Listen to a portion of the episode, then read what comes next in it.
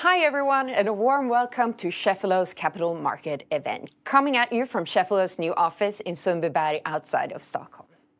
My name is Paulina Modlitba, and I have the huge honor of being the host of this event. We have an exciting and jam-packed agenda in front of us, and we'll have a look at it. Lots of talks coming from the key leaders within Cheffelo. Let's have a look at the agenda. I will start off by talking to the CEO of Cheffelo, Walker Kinman, whose session will focus on the meal kit market dynamics, on Cheffelo's business model and strategy, customer behavior, but most importantly, how he's planning to grow the business profitably. After that, we'll zoom in on the company financials with CFO Erik Bergman, and he's here to share the seasonality of the business, but also, of course, provide a financial outlook. We will then move on to Helsingør, where we'll be joined by Klaus Toft Nørgaard. He's the Chief Commercial Officer, and Jeanette Agertoft, who's the Nordic Marketing Manager. And Klaus and Jeanette will talk about Cheffelo's brand and marketing strategy, including how the Nordic presence enables efficiencies in the customer acquisition and retention. Then, we will move over to how the food and recipe creation contributes to the epic customer experience of Cheffelo. We will do this with Claes Stenfeldt, Chief Supply Chain Management Officer. And for the next session, we will get the opportunity to visit one of Cheffelo's three production facilities, this one in Norway, where Chief Operating Officer Vibeke Amundsen will give us a look into how uh, the meal kits are produced and how she drives operational excellence to ensure continuous operations. The last presentation will feature Anton Nytorp, who's the Chief Technology Officer, the CTO of Cheffelo. He's joining us from Oslo, and he will share the in-house built tech platform strategy and how the company is at the forefront of using AI and machine learning across its operations. And last but not least, we will conclude with a Q&A session, where you will have the possibility of adding questions to the speakers via the event website, now and during the whole session. We will make sure to feed them into the session. So that was the agenda. Let's get started with the Cheffelo Capital Market event. Walker, why don't you start by giving us the key highlights of Cheffelo and what you do? Thank you, Paulina. Uh, for those of you who are just joining us today and are only hearing about the name Cheffelo uh, for the first time, that's okay. Uh, it's a new name for us as well. Since listing on the Stockholm Nasdaq First North exchange in March 2021, we've been known as LMK Group. However, as a leading supplier of meal kits in the Nordic region, most people who know us know us by the four brands we operate. So in Sweden, this is Linas Matkasse. It's about 35% of our revenue. In Norway, we operate under the brands uh, Godtlevert and Adams Matkasse. That's a little over half of our revenue. And in Denmark, we are known as RetNemt, which is just around 15% of our revenue. Last year, we delivered around 17 million uh, meals with roughly 1.1 billion SEK in net sales. We currently have around 73,000 active customers, and we can deliver to over 85% of households in these three countries. So tell me, why Cheffelo? And is it correct that it only relates to the corporate brand and not the consumer brand? Yes, that's true. Uh, the strength and success of our company going forward is based on an organization that is able to effectively coordinate activities and also operations in three countries and five different locations. Without this, we will have a big difficulty in extracting uh, synergies, best practices, things that would otherwise be unavailable to a smaller local unit, uh, in which in turn would reduce our competitiveness. So we see a stronger corporate brand as a way to further attract and retain talent. Um, perhaps the most important thing that we say in relation to Cheffelo is that it will not replace the strong local brands that we've built up over 15 years. So Linas, Godtlevert, Adams Matkasse, and RetNemt, these will continue to be the brands that carry our product to market. People say that no business is larger than the problem it actually solves for real people. What is the problem that you solve for your customers? Yeah, this is true. And meal kits are really, they're solving an everyday problem. Everyone must eat. It's just a fact of nature. We want to be great cooks. We want to make our own meals for at home for our families. we like to bring them together uh, to enjoy inspiring and nutritious food while keeping costs down and not contributing to overconsumption. Uh, this desire, however, is also typically offset by some realities. So most of us these days have limited time um, to find inspiration, to plan the meals, and to shop for groceries. Uh, add to this, a lot of people have really limited knowledge about nutrition. They may not feel comfortably uh, comfortable with cooking um, food to begin with. So meal kits contributes very well in solving this everyday problem. With a meal kit, the inspiration um, and planning process is convenient. It's also time saving. Most customers manage to do this on their phones. We provide tasty, variety, flexibility, and personalization. We combine this with easy to follow recipes that simplify the cooking process. And so, the business model, can you walk us through what it looks like? Sure. So, our business is it's a weekly subscription uh, that's delivering recipes and ingredients, all the ingredients you need to prepare those recipes uh, directly to the customer's home. So the customer can, they're not forced to choose, but they can choose from a curated selection of recipes. So as we talk about how AI is supporting our business, this means that machine learning and customer preferences are playing a greater role in the presentation of the recipes to match each customer need. So this reduces the need for the customer to replace recipes alternatives that just don't suit them. For instance, if they need a household that that has uh, kids that are hard, picky eaters, or they need to make dinner quickly, or if they just actually want to explore new cuisine. So the customer saves a lot of time not needing to spend it to plan and shop for ingredients. Uh, our model is also demand driven.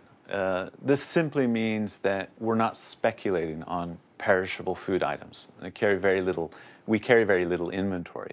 We have high order visibility, um, and we also have a significant amount of data that's available for our operations. And this, also, this helps our upstream suppliers actually plan production and it helps us to provide perfect portion size for customers. Precisely what they need to have um, to have a great meal without throwing away ingredients or having unused ingredients or over consuming. So the result of this is both low food waste generated in our own operations. It's also contributing to driving down food waste from food production in any uh, that may occur in our customer's kitchen. So nobody acts in a vacuum. You basically invented the meal kit uh, some 15 years ago.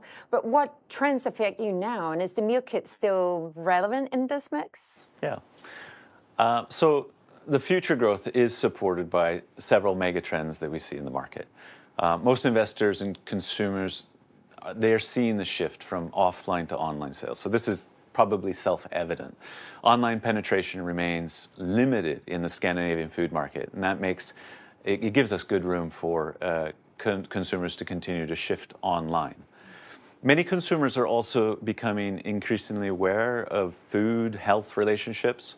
So this takes the form of, of you know how food affects our bodies, but even sort of the broader consciousness of how the food that we consume impacts the world around us.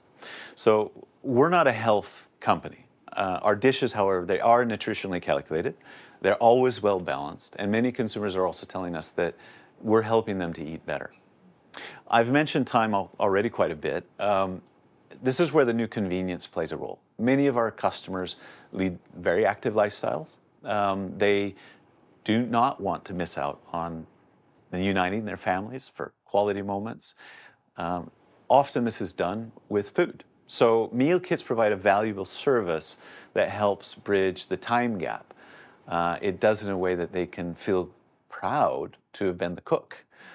Um, and then finally, we have a loud and clear call for sustainable development. So much so that there, there are many customers or consumers that are, they, they express willingness to change their own behavior if it has a positive effect on the planet. So food production and distribution remains one of the highest sources of CO2 emissions uh, behind energy production. So improving the uh, current production and distribution of food is a good way to reduce uh, the CO2 imprint. Um, we find it natural that we can contribute to change, and this comes by inspiring customers to how to eat, uh, how to eat a more plant-based diet by providing delicious vegetarian options. We have so many options. You can eat uh, as many meals as you like, one or two a week perhaps, uh, from a vegetarian selection. So, can you give us some more details into Cheffelo's sustainability efforts? Sure, sure. Yeah, we've we we've done our part to, to look at sustainability from and map that out related to UN Sustainable Development Goals. This is something that has really been at the core of the business since day one. Uh, a key part of our business model is about reducing food waste. Uh, waste is cost, and any type of spoiled food products that we have in our own operations or anytime we deliver something to the customer's house that they don't need, it's, it's just simply bad business.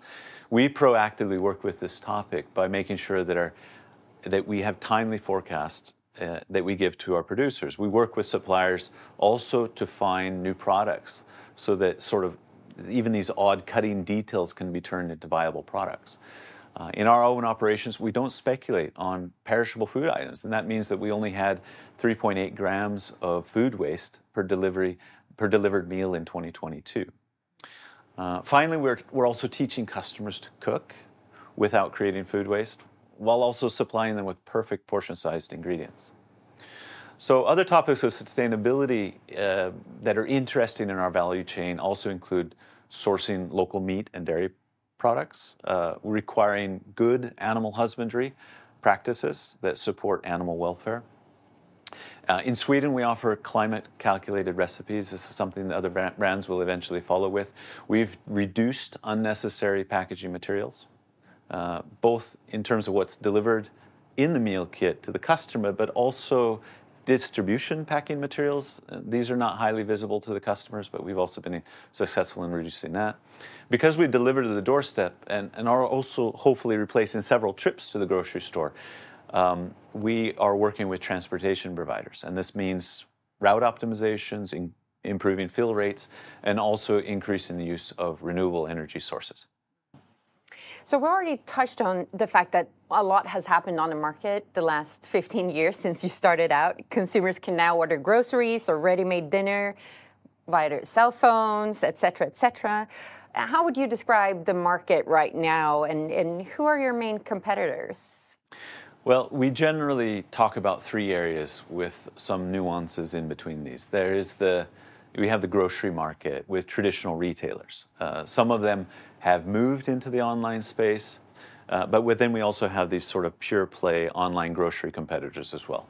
When you move sort of up the price and service level in the offering, the meal kit market is where you find uh, another selection. And then you have set menu, sort of these set menu uh, providers, uh, uh but most of the market has already shifted into flexible meal kits.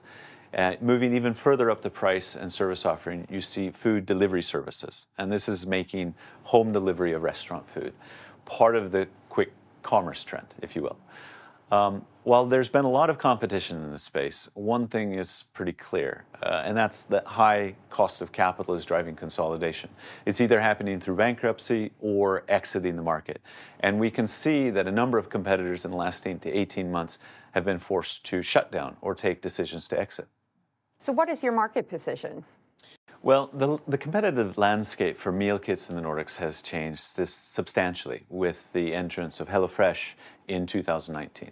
We have understood that a head-to-head competition for market share will always go to those who have the deepest pockets. And HelloFresh has shown willingness to invest heavily to buy market share, while we have maintained our focus on being self-financed and profitable.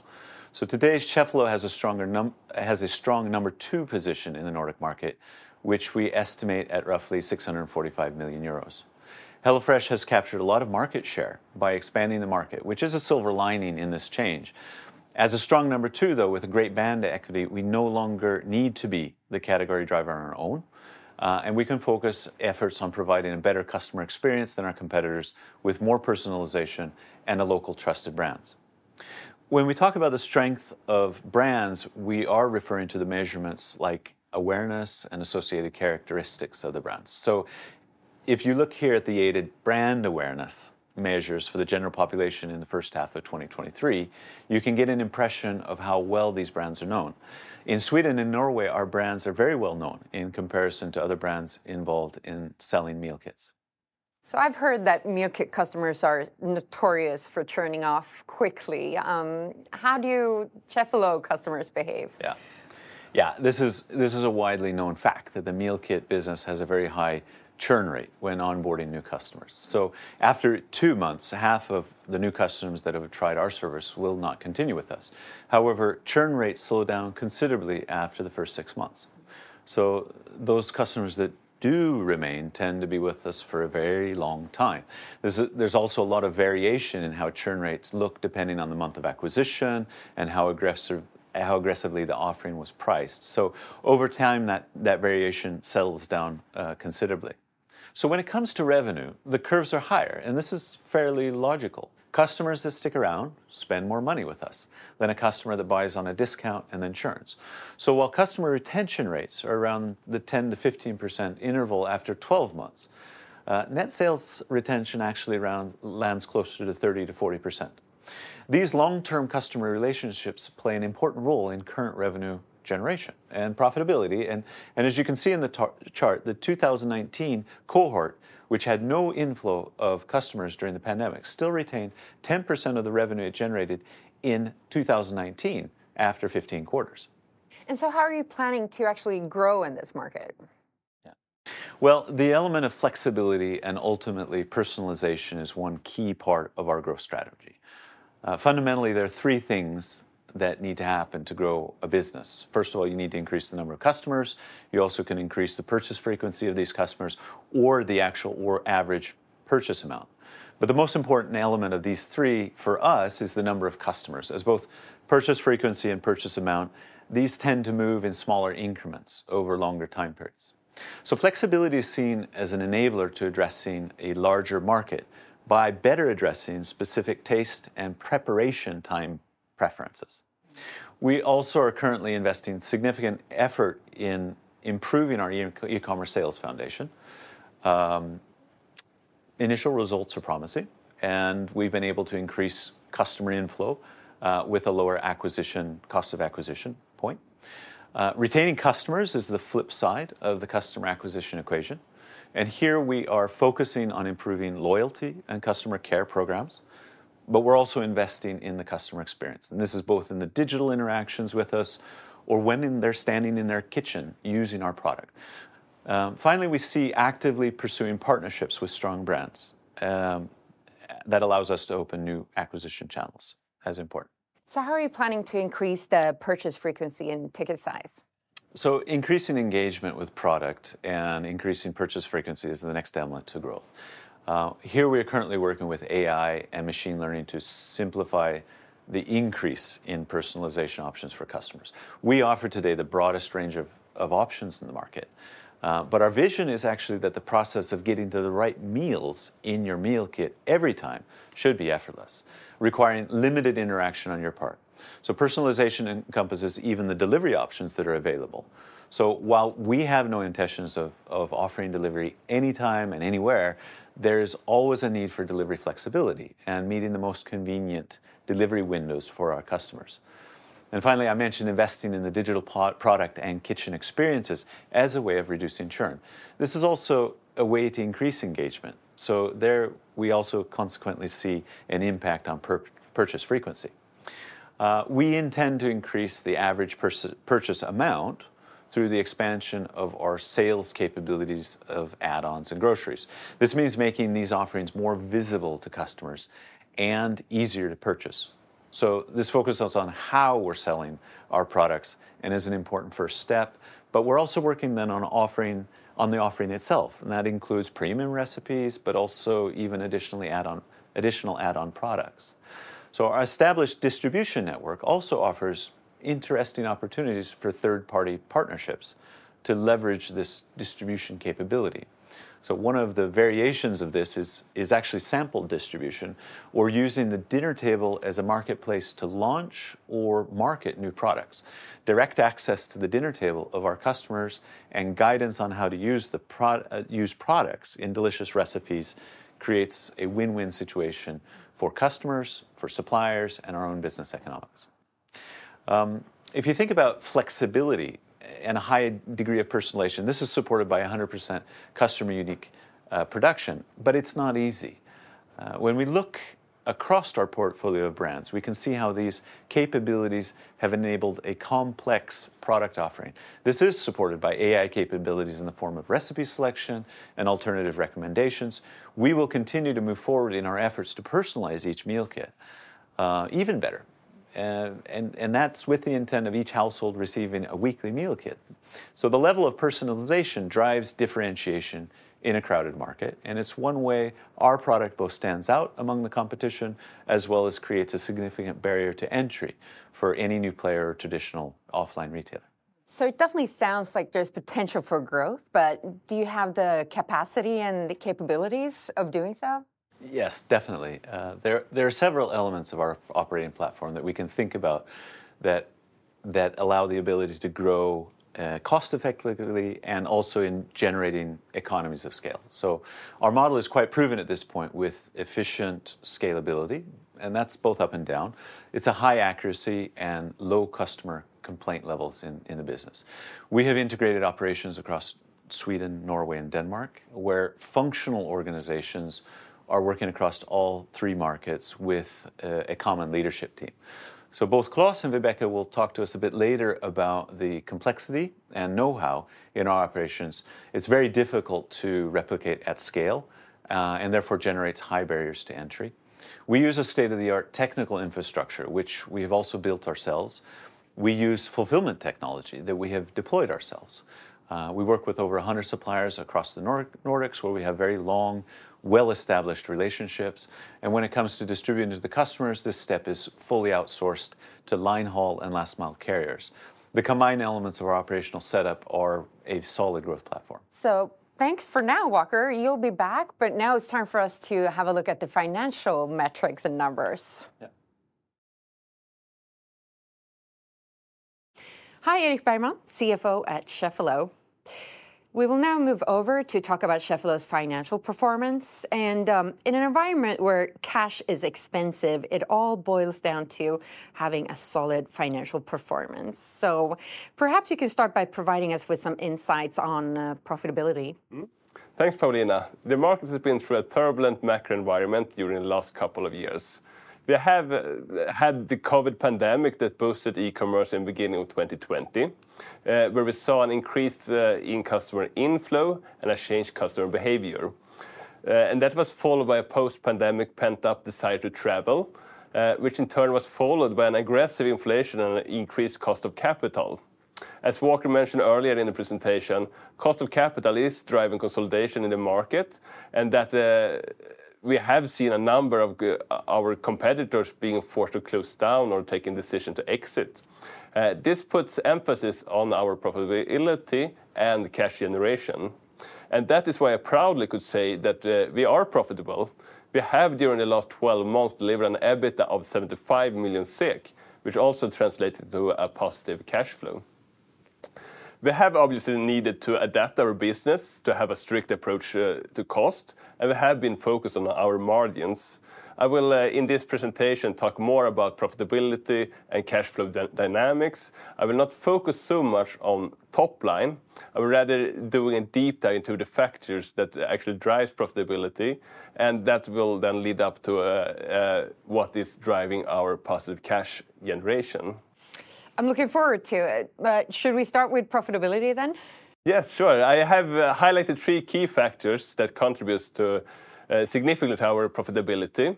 Uh, those are control of unit economics, efficiency in marketing, and a disciplined approach to other operating expenses. Maintaining control of our contribution margin is crucial for our overall profitability. We have set a target uh, of the contribution margin of approximately 30% on net sales on an annual basis. We have successfully reached that level. I'm proud to say that uh, we have actually 12 months, uh, in the last 12 months, actually reached 30.2%. Another vital factor in ensuring profitability is how we handle our investment in sales and marketing. So throughout the day, we will emphasize on the importance of marketing efficiency.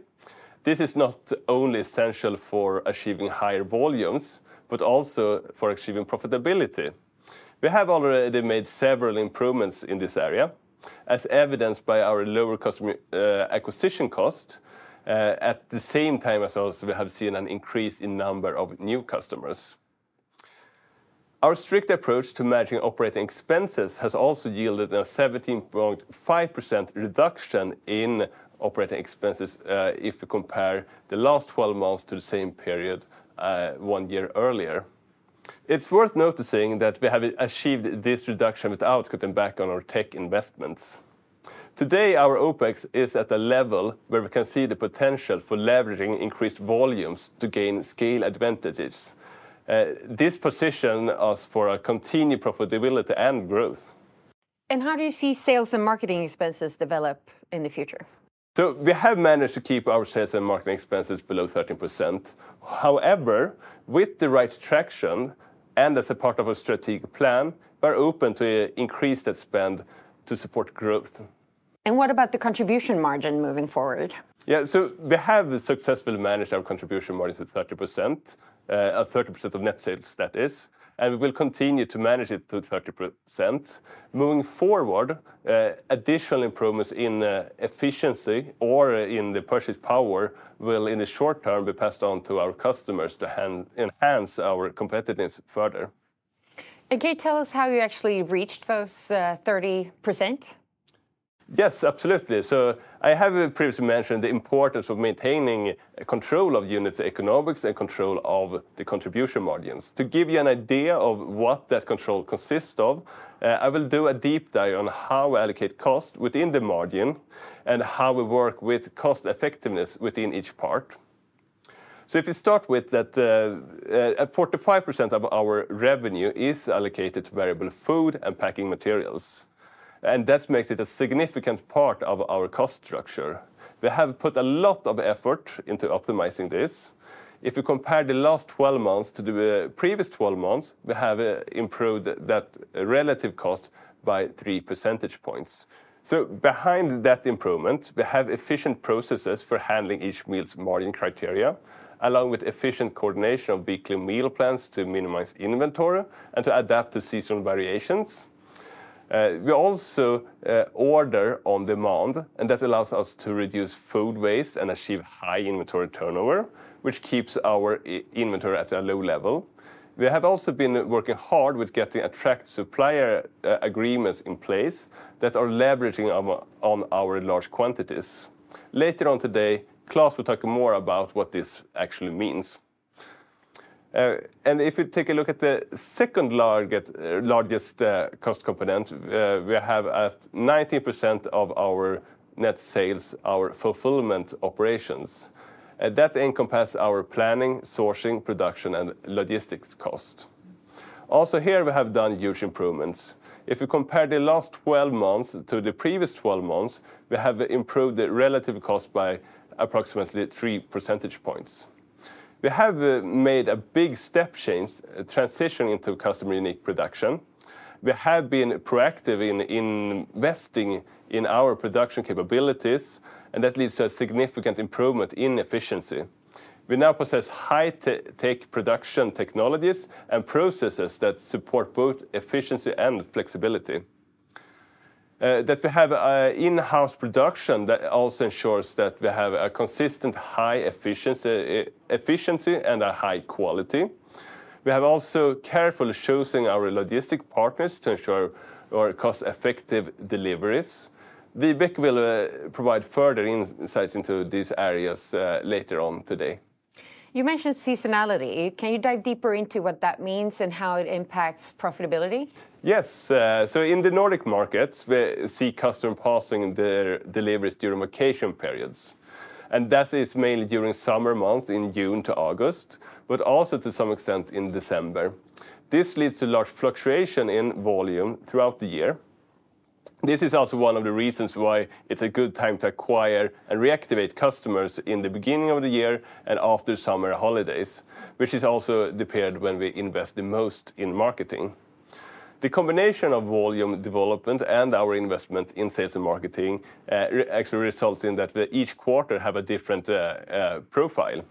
So for example, in the first quarter, we allocate a relatively higher budget to marketing, and customer comes in early in the quarter, which results in that we have large volumes during that period.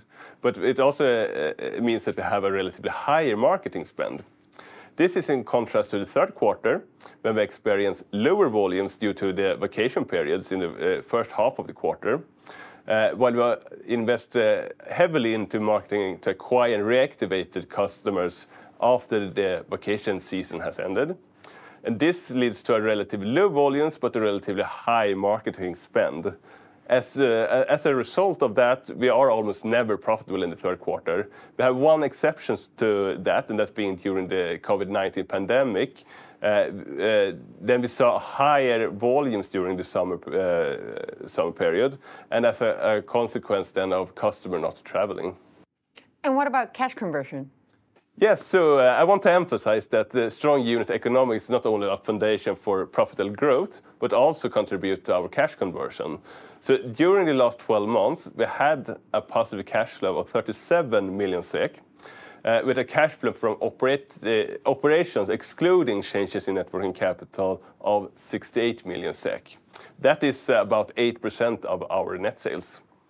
I have highlighted three factors behind our strong cash conversion. Uh, these are our unit economics, our light CapEx model, and our financing through net working capital. I already mentioned the controlled unit economics, and that we have good uh, uh, unit economics with good margins are a foundation to strong cash conversion. It is a bit self-explanatory, but I want to highlight that we have had a positive contribution of 260 kronor per delivery during the last 12 months. This means that growth in volume will have a significant effect on our cash flow. We also have a light CapEx model. Last 12 months, uh, CapEx amounted to 1.4% of net sales. We will see that go down a bit in the coming quarters, but in the medium term, uh, we expect us to be around 1.5% of net sales.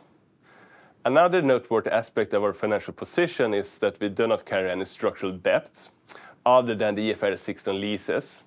We have managed to invest in our production capabilities without taking on significant debt, while maintaining a healthy cash position.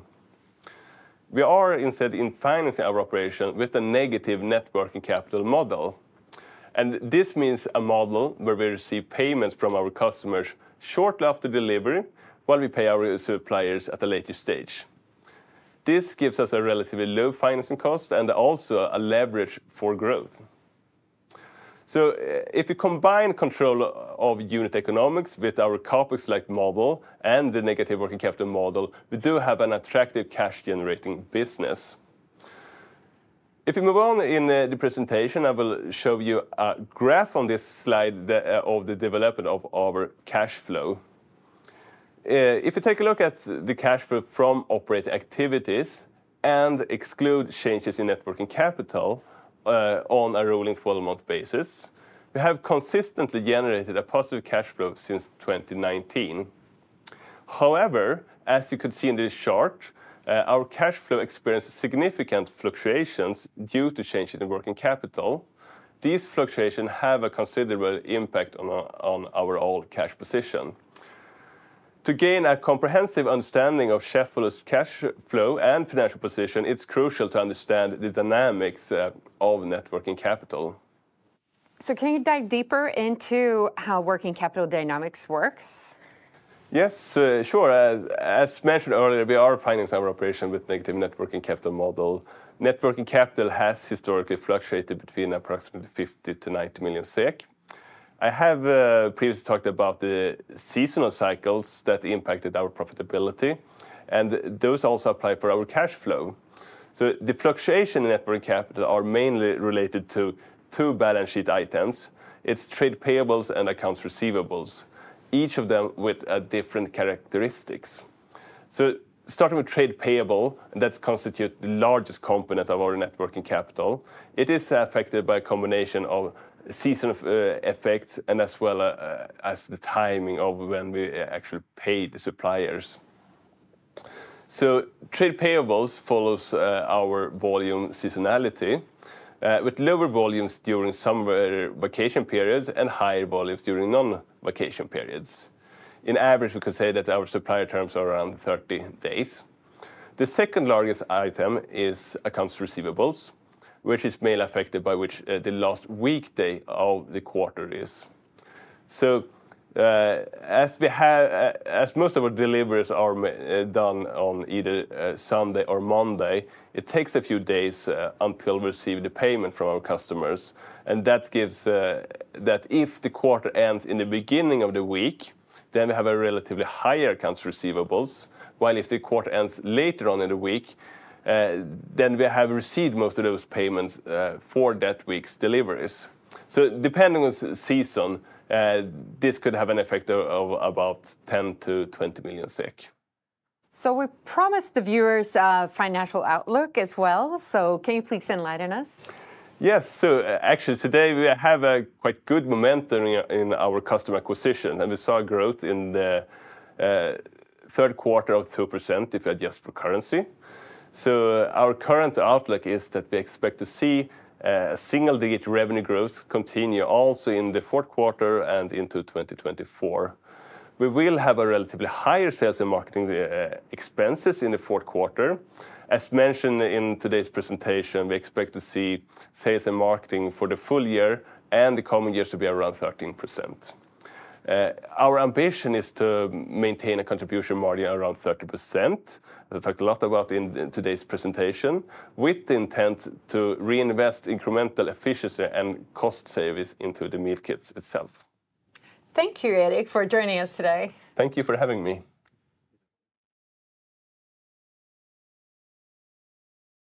So we just heard Eric talk about Cheffelo's financial performance, but what about the financial targets, and what have you and the board agreed on? Yeah. Well, as we look back to 2022, we had been forced to acknowledge some new realities. Um, and in early 2023, we presented some near-term priorities and new financial targets. Uh, first of all, we were clear that our most important near-term target was to be profitable and self-financing. This was necessitated by high cost of capital, uh, in an environment where high inflation and low consumer sentiment was impacting the market and the business. To credibly be able to talk about future growth in the business, it was also necessary to stabilize the top line and demonstrate the ability to profitably grow delivery volumes. So both of these we've been able to achieve. Uh, the reason we have been successful is attributed to several must-win battles that were identified in late 2022. Our focus on increasing marketing excellence has led to acquiring more new customers while spending less money on sales and marketing to do it. Another must-win battle was to cultivate epic customer experience. We have significantly reduced our rate of complaints and done it in a much higher efficiency when looking back over the last two years after the implementation of 100% customer unique packing. That initially drove down productivity. Finally, in terms of increasing volumes in Denmark, uh, we're now currently in a growth phase.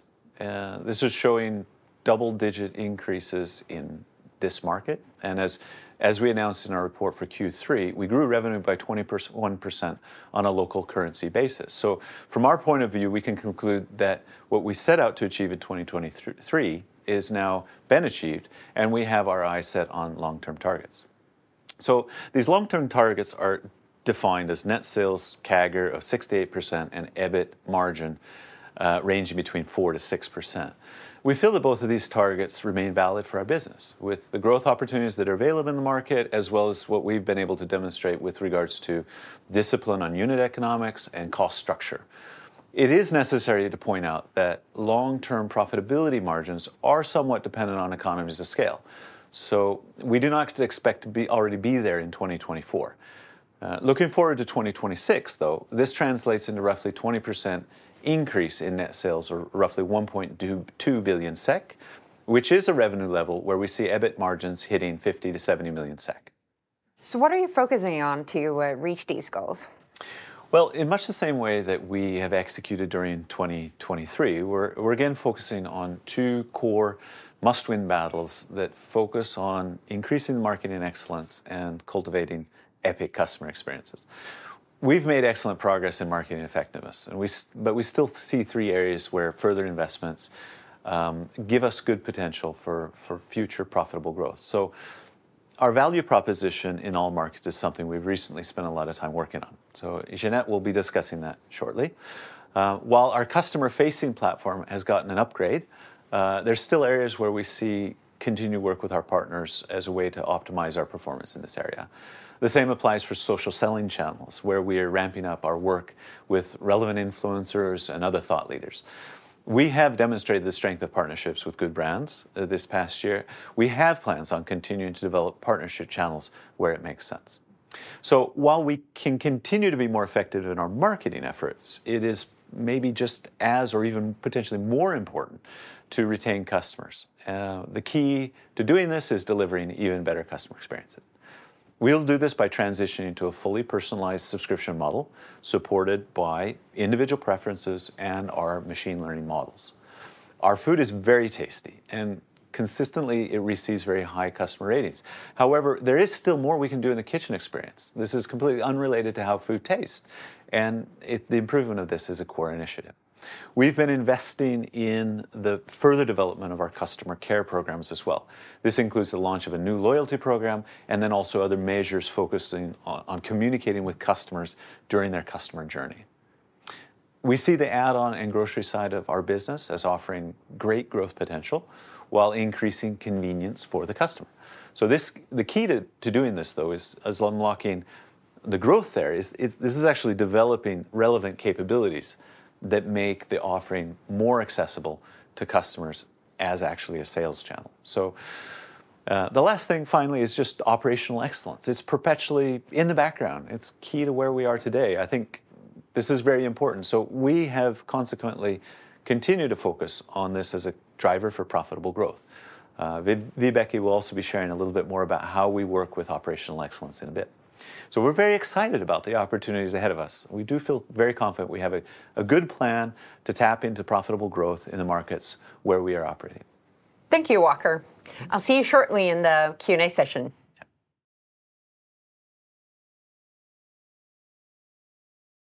So we just heard Walker talk about the huge opportunities ahead and marketing excellence playing an important role in that. We will now talk to Jeanette Agertoft, who's the Nordic Marketing Manager, about Cheffelo's marketing strategies. Welcome, Jeanette. How do you position Cheffelo in the meal kit business? Hi, I'm glad to be here. Uh, we do not sell food, actually. We sell an experience. Uh, we sell meals that unite families. Our service is all about inspiring and helping consumers saving time and remove anxiety of what is for dinner in a busy week. We take out the stress by planning, shopping, and helping with dinner preparation in a clear and simple way, facilitating families to serve great meals liked by their specific family. But consumers are used to digital solutions that help them in their everyday lives and are looking for possibilities to solve their specific needs no matter what. They are getting much more demanding day by day in personalized services and we need to follow their demands in the most efficient way for both them and us. So a common value proposition across the markets will help us drive higher efficiency in both acquiring and retaining customers. And how do you offer meal kits that fit various customer needs? Well, we sell meals that unite families by offering the largest variation of dishes to choose from, with new dishes each single week, so they, the families always can find a great variation of meals personalized to their family needs. So it's not always what Matt likes and Lisa likes and mom and dad likes. It's a complicated thing to, uh, to solve. Um, but we cover most needs without complicating this service, uh, and we understand the local preferences for both ingredients and meals our customers grew up with. Uh, we can actually both build on the heritage of childhood memories of good food while at the same time providing inspiring world cuisine. And uh, I know that Claes will talk a bit more about this uh, later uh, today. You operate across Nordic countries with four different brands. Why is that? Well, uh, our brands come with different cultural backgrounds, and so is the culture actually the, in, in this organization. Uh, and it may seem like a strong barrier to build efficiency in the business when we keep these cultural backgrounds. But there's also a very high brand value behind each of the brands that would take years and immense investments to rebuild. And with this, without additional effect, uh, as the brands actually operates on different markets, so consumers wouldn't see the, the, that, that they were alike. Uh, and for us, harvesting synergies can be found on many other levels uh, than just a common brand. A common denominator today is our understanding of delivering personalization. Uh, we were the first movers at the Nordic market to offer large flexible variation in the meals offered, and we are still the leaders in offering a large flexible variation. And now we are implementing our common value proposition with focus on our common key messaging, both in communication but also internal across cultures and departments. And it may sound banal, but a common understanding is key to drive growth. With your four different brands, are there ways in which you can benefit from synergies? Well, actually, research show that our brands are positioned alike with minor local differences acro across the markets. Um, variation and personalization are key, and we at Cheffelo like to call it your taste and your choice. And if you spice this up with the good mood around the dinner table, it's something families all over the world can embrace, and I'm assuring you that in, in the Nordic countries it's exactly the same. This is why we can work with marketing efficiency across the borders with common content development, common media mix, and cross learnings on digital performance and thereby optimization. In August, we doubled our impressions of our content and had double digit growth in new acquisitions with the same investments as last year, so really increasing efficiency. Um, this was just by utilizing learnings across borders and then improving content creation and media purchasing. So we're operating on a market where we have professional competitors, and we can't fall asleep on that. Uh, we have both local, and international uh, competitors, uh, but I think we have the advantage of succeeding in combining common tools and ways of working with a business model, where we also can embrace the insight on local taste preference in an efficient way. You mentioned professional competitors. Um, would you say that your brands are strong enough to survive in a competitive market? Yeah, sure. Our brands have the strongest unaided awareness across the markets, and we will continue to build strong brand equity and high awareness. It's key for us to win. It requires smart investment to succeed on the long run in a competitive market, and uh, CARC, which is uh, customer acquisition and retention cost, is a key KPI for us. We want to stay profitable, profitable as mentioned earlier, uh, by Walker and Eric, and we keep fueling the investment funnel by balancing the investment for the future with the short-term growth of our brands. So 60% of our spending is in the upper funnel, building brand preference and consideration, while the remaining is spent in acquiring new customers with relevant offers. So we do experience strong proof of driving preference lower in the purchase funnel by investing in consideration and emotional drivers. In Sweden, we drive it Goda Liv, in Norway, det er godt at spise sammen, and hvad skal vi have til middag? And in Denmark, flere muligheder, mere madglæde. So you see it's quite different, but still building on the same emotional values. And we are close to combine our brands on a common communication platform, not that different from today, but it's common, while still keeping the local brands. This is to become even more efficient reaching the consumer with uh, the relevant brand building content. Uh, so for us, A and B testing a digital performance is proving the right messaging capability to convert more consumers into customers. So this is for me for now, but Klaus will talk more about how we drive efficiency in customer acquisitions and retention. Thank you, Jeanette. We will now turn to Klaus Nørgaard, uh, the Chief Commercial Officer.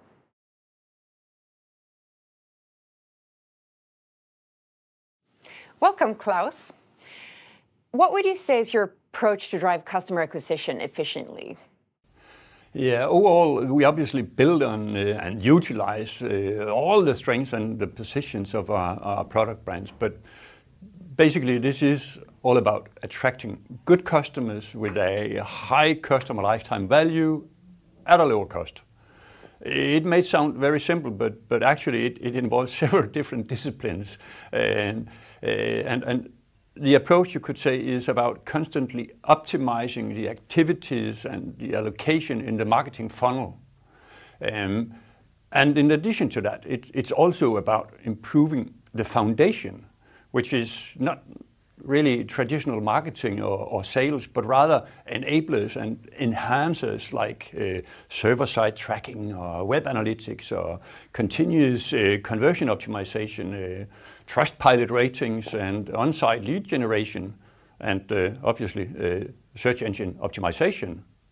And uh, yeah, over the past one and a half years, we did numerous changes and developments from, from which we now see the very clear effect in terms of reduced customer acquisition cost. Can you give us some concrete examples of such changes and how they've been successful? Sure. We've done uh, several different and successful changes. Uh, uh, let's take search engine optimization. It consists in, in, in on-site improvements and link building and also more content, uh, which has increased our online visibility, driving much more organic traffic at basically zero cost when it's done. Um, and, and Another example would be initiatives uh, in the mid and lower funnel, also called performance marketing, where we could take examples as uh, optimizing paid search and uh, social media advertising with the help from external expert partners, creating and testing much more and and better ads with more efficient and targeted balance between the think and do parts of the funnel. Again, this drives more customers at lower cost. Another example uh, is that we have teamed up with uh, direct affiliates as well as affiliate hubs, which done well is uh, an excellent way of cost efficiently extending our reach and utilizing our upper funnel investments. The last one I would like to mention here could be also in, uh, increase and optimize the social selling efforts uh, by engaging more influencer marketing uh, um, and um, creating more and better content for social media and even testing new platforms like TikTok. Um, another angle to it is that we in this industry are very much driven by introductory discounts. And, we also now constantly work to optimize the, size and the composition of these discounts, i.e., uh, how much in percentage or kroner for how many deliveries, for reactivations, or for new customers, etc. It's about giving an incentive to to become a uh, a subscriber here, you could say, uh, and not overdo it, and then just attract bargain hunters in essence, this is very much uh, driving profitable growth at uh, as lower cost per acquisition enable us to acquire more customers, and then we have a positive spiral, as can be seen already from the Q2 and uh, Q3 reports. And What other things are you doing to drive customer acquisition? Let me mention two important contributors to our marketing excellence. First one is a Tell a Friend program where you um, where our many satisfied uh, customers are encouraged in various uh, ways to act as ambassadors towards uh, family and friends. Uh, we are developing further the, the features, including gamifications um, of this, and, and, obviously top it with uh, incentives for both uh, prospective customers and for our ambassadors. And the second one is uh, partnerships uh, of various kinds. Uh, the biggest and most visible ones are Weight Watchers in Sweden and Roede in Norway.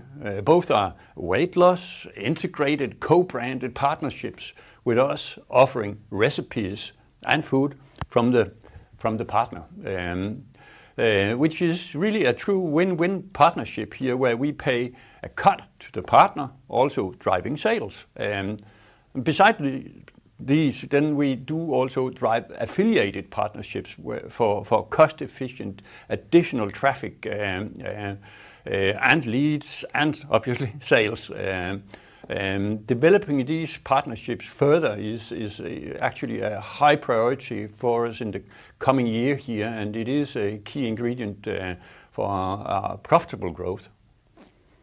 What would you say is making Cheffelo special in respect to customer care and what you're doing to retain customers? Uh, basically, we are very customer focused, or even you could say customer centric here. Um, um, uh, internally, we call it, uh, and we pursue the epic customer experience. On the commercial side, uh, this involves uh, several incremental improvements and, and, and some major improvements on top of that. Um, here I could mention uh, AI driven churn prediction, uh, which has been built and trained, and, and based on, on that, churn prediction, we have built a churn prevention program operated by our, our CRM team. Um, and here we experiment with uh, various executions. Um, and this includes uh, different messagings and action triggers, but also A-B testing uh, uh, channels as emails versus SMS or uh, push messages. Uh, another one uh, worth mentioning here is a true loyalty program where we honor our loyal uh, subscribers here with valuable benefits depending on, on their buying behavior. And by a true loyalty program, I mean that we reward customers for buying meal kits and not just for being subscribers.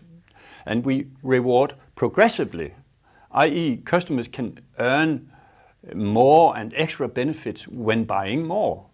Um, and we are also here challenging the paradigm of the industry here, uh, where much discount is spent on just reactivating churned customers.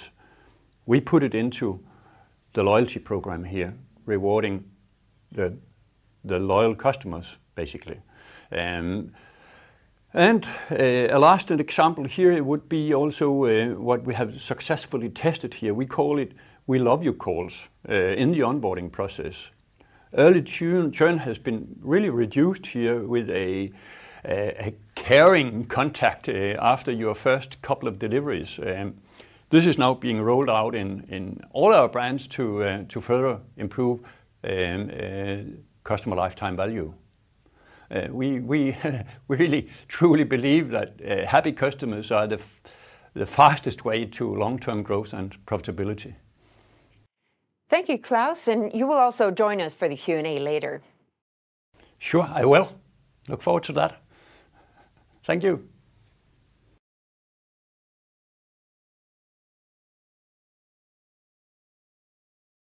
As we could see at the beginning of this event, there are many parts that make up the meal kit business model, but at the heart of it is, of course, the food and the customer experience. Claes Stenfeldt, quite possibly the person within Cheffelo with the longest title, Chief Supply Chain Management Officer. Welcome. Thank you. So should we start with the actual recipe creation um, process? Yeah, changing from the fixed meal kit to a fully flexible and personalized subscription, and with that being the best in giving customers choice, either the choice of choosing or not choosing, and always deliver what the customer wants or expects. This is our focus when we plan the weekly recipes. Our business model doesn't set any direct limitations of the number of recipes in one week. This week, we offer 285 recipes in our four brands, we offer the largest selection of recipes in the meal kit category, securing that our customer have a choice and variation, and that what we recommend is based on the customer's preferences, is a key to keep the customer satisfied and stay longer. Focus on local taste preferences and using local suppliers, ingredients, is something we prioritize. We never send out a dish that hasn't been tested by our local chefs. And every week we look at customer feedbacks and adjusting to be even better when we reuse a recipe. In a menu cycle, we use between 250 300 ingredients to build a weekly menu. And with that, maintaining efficient procurement and ingredients handling. We plan three-week cycle with 70 weeks horizon. Using data and tracking customers' behavior in how they will choose is a base of our forecasting that gives us good control and the capability to send relevant forecasts to our suppliers. Many of you have mentioned the kitchen experience, but what does that really mean? The kitchen experience focuses on improving the non-taste kitchen experience. how we pack the box, the tailor-made ingredients that we have made for our meal kit, the semi-pre-made ingredients that simplify the cooking experience and shorten the time it takes, the number of steps to make the dish, and the time it takes to clean up afterwards. And adding the most important, of course, is the meal itself. Uh, this is what we call the total kitchen experience. One thing that really sets you apart from uh, food e-commerce and traditional retail, for example, is the way you source your ingredients. Can you tell us more about that? Yeah. Uh, there are two key differences. One is that we order on demand, meaning that we order after our customers have made their choice. Uh, that has some clear uh, implications. We need to cooperate with suppliers that can deliver what we need with very short lead time. Ordering on demand also gives the opportunity to work with almost zero inventory and extremely low food waste. And that goes the same for the suppliers, that they just produce exactly what we need. However, on products with longer shelf life, primary dry goods, where we can see a cost advantage, we use inventory with a limitation that it should be used within the three-week cycle. The other is that uh, we don't sell the ingredients that we buy. It's a part of the dish, the meal kit. And that means that we're focusing on suppliers that can develop unique tailor-made ingredients uh, for uh, us to use in our meal kit. So, working with suppliers on product development is an important aspect. The packaging is just what we need for the recipe, and that we can work with suppliers to optimize packaging solution, saving plastic, optimize deliveries to production, and so on. And working across three markets, three countries, what are the opportunities for sourcing on a Nordic level while staying locally relevant? Hmm. On categories that are not classified as local and or domestic, eh, we send out Nordic tenders. Uh, that means adding all the volumes from each market and sending our tenders to several different suppliers. The target is to keep the high quality, get tailor-made products at a lower cost. Uh, the latest uh, contract is on vegetables, where we now have a Nordic supplier supplying both Sweden and Denmark with a great result. We have ongoing tenders with four additional or in four additional categories this year.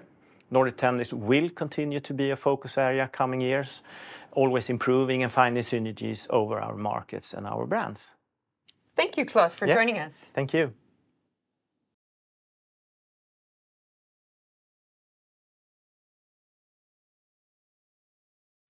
Hi, Vibeke Amundsen, Chief Operating Officer at Cheffelo. Where are you now?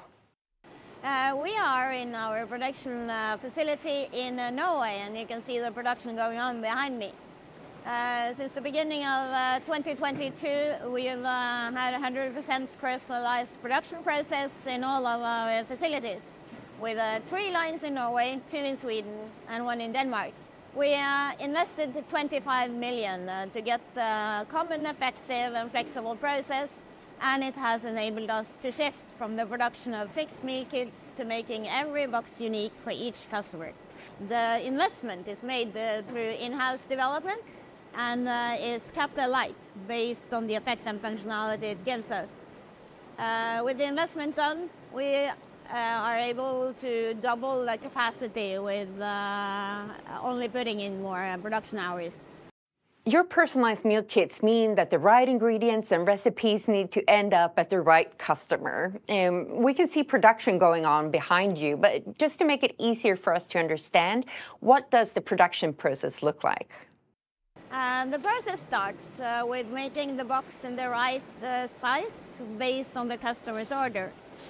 We label the box with the customer's name and address, and at that time, we all already know uh, which carrier and route um, that will deliver the meal kit, and we put that on the box as well. We even produce the box in the right order for the routes. So the first box produced is the first box that will be delivered on the first route for the carrier that has the first pickup uh, time at our production facility. There are a lot of ingredients involved, and not one meal kit is the same. Is it challenging to be efficient and keep high productivity levels? With the pick to light and the good optimization of the 250 to 300 ingredients on the line, we can produce with normal flow more than 400 boxes an hour on each line. Uh, we even have learned now how to adjust the flow to our actual needs for the total volumes in the week to balance flow with a good productivity. Measuring all-in uh, productivity in units per production hour, we have increased our productivity uh, this year uh, with uh, more than 40 percent uh, packing more than 300 units per hour. And stable production processes with that kind of improvement ensures low and stable fulfillment costs. And then the meal kit is delivered to your customer's doorstep. What does that part look like, and, and what further improvements have you made? Uh, the last year, we have improved the flexibility in the logistic offering uh, to our customers, especially in Sweden. In all countries, all urban uh, customers can choose between two or three different time slots for delivery. We uh, concentrate our deliveries to Saturdays, Sundays, and Mondays, as our service is everyday meal, and uh, the customer expectation is to get the meal kit delivered early in the week.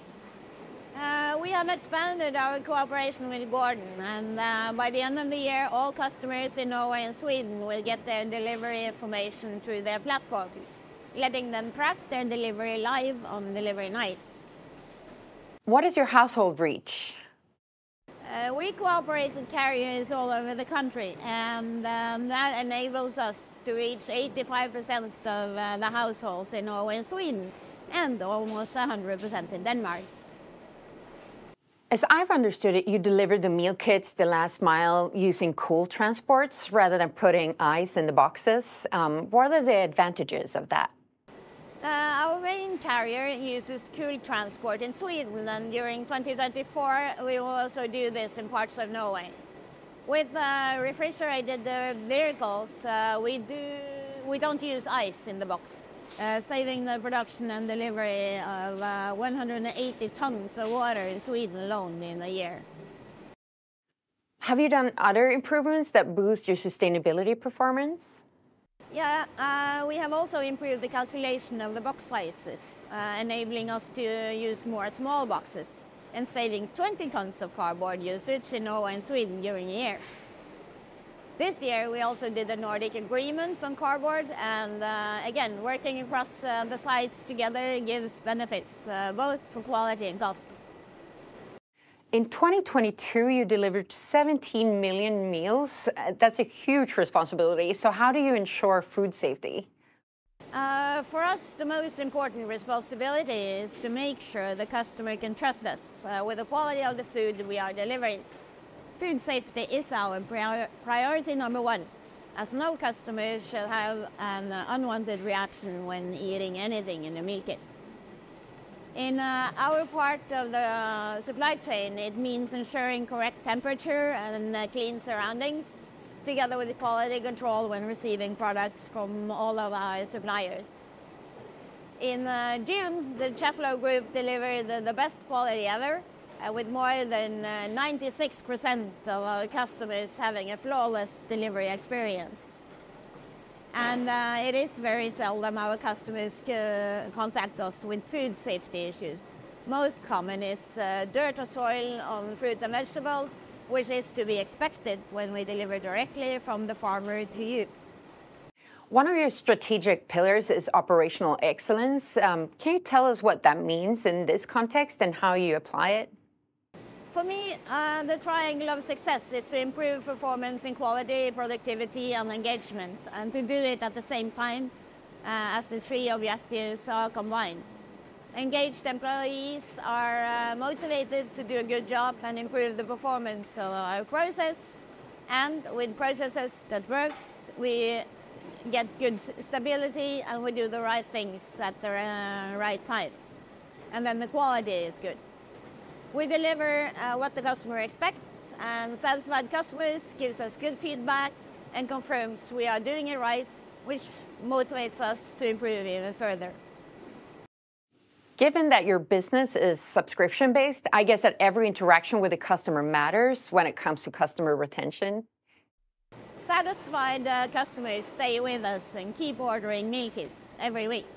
Retaining customers is a job for everyone in the company, not only marketing and sales. Our uh, reward-winning heroes at customer service, together with uh, good quality in our deliveries, are crucial for retention. How do you make sure that you continue to improve and learn?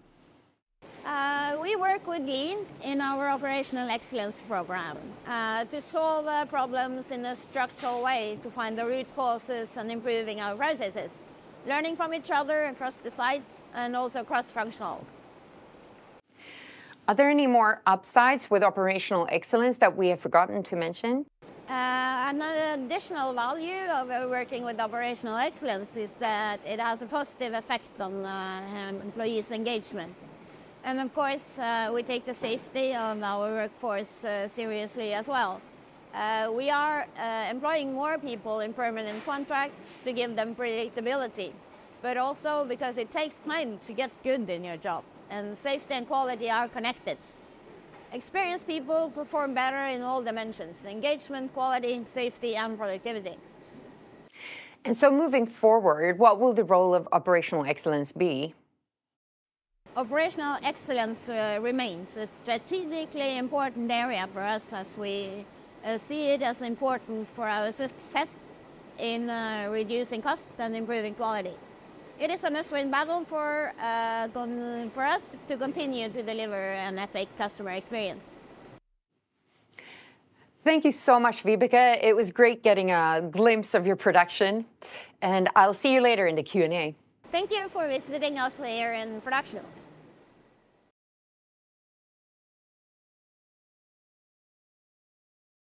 Hi, Anton Nytorp, CTO at Cheffelo. Tell me, uh, what is your approach to technology development at Cheffelo? We view our technology not just as an operational asset, but as a core differentiator that is crucial to our success. As I like to say, technology is the secret sauce in our business. We have, through the last seven or eight years or so, built a highly sophisticated tech platform on which we run all of our four brands. So this includes systems for menu planning, purchasing, inventory, production logistics, customer handling, subscription logic, basically all of the things you need in order to run a meal kit business. I think it's important to note that a meal kit subscription business is fundamentally different to all other e-commerce businesses. So this has led us to develop our own solutions, including our own e-commerce front end, and the other core part of our technology stack is the data analytics platform, where we can collect and store all relevant data and, and, and have some very interesting use cases on them. So to sum it up, a lot of time and effort has gone into building this platform over many, many years. This is not the type of development where you just go out and buy a ready-made software suite from some vendor. And, and this in itself creates a bit of a moat because it's very difficult and time consuming to build something like this if you're a new entrant in, in the meal kit market. What upsides do you see by building your tech in house? I think the main advantage is that it gives us a lot of flexibility and, and freedom to innovate. We can build everything we need and, and not rely on some third party vendor roadmap. The, the other often underlooked part is that we also have, we have full control of all data, which is very different to if you have, say, a SAP, Salesforce, Oracle system, which will charge you big bucks if you want to extract any data out of their walled gardens. So we're full control of the data. Does this mean that you develop everything on your own? No. We only build what is truly unique and what is not readily available on, on the market. As an example, there's no menu planning tools for meal kit companies out there. It, it's a core process for us and something we want to be able to innovate on all of the time.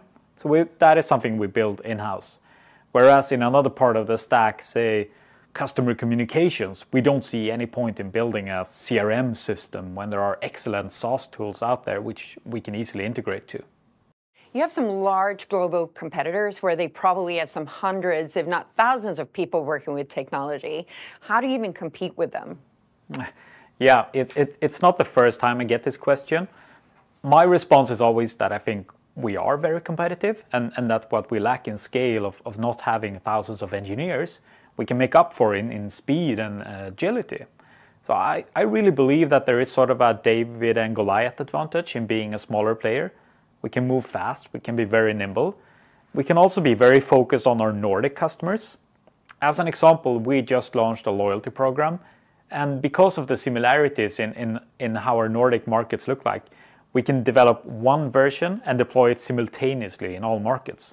I imagine this being a much more complex tech challenge if you have to take into account like all your global 20 different markets or something like that. We also believe that if we invest in the right tools for developer experience and use AI co-pilots and, and all of the new technology that comes online now, we are very bullish that we can be very productive with a small number of skilled engineers. So I think that small can actually be better sometimes. Which are your key focus areas when it comes to technology? Arguably, our largest investments over the last three or so years have been in the data analytics space. So this means building a sophisticated data analytics capability, building a team, a data platform, common practices, and perhaps most importantly, building a data-driven culture uh, throughout the entire organization. The meal kit business is very uh, process intense, and all of these processes lend themselves very good to being improved by, by data analytics. So we see enormous opportunities to improve customer experience, drive sales, and improve margins using data.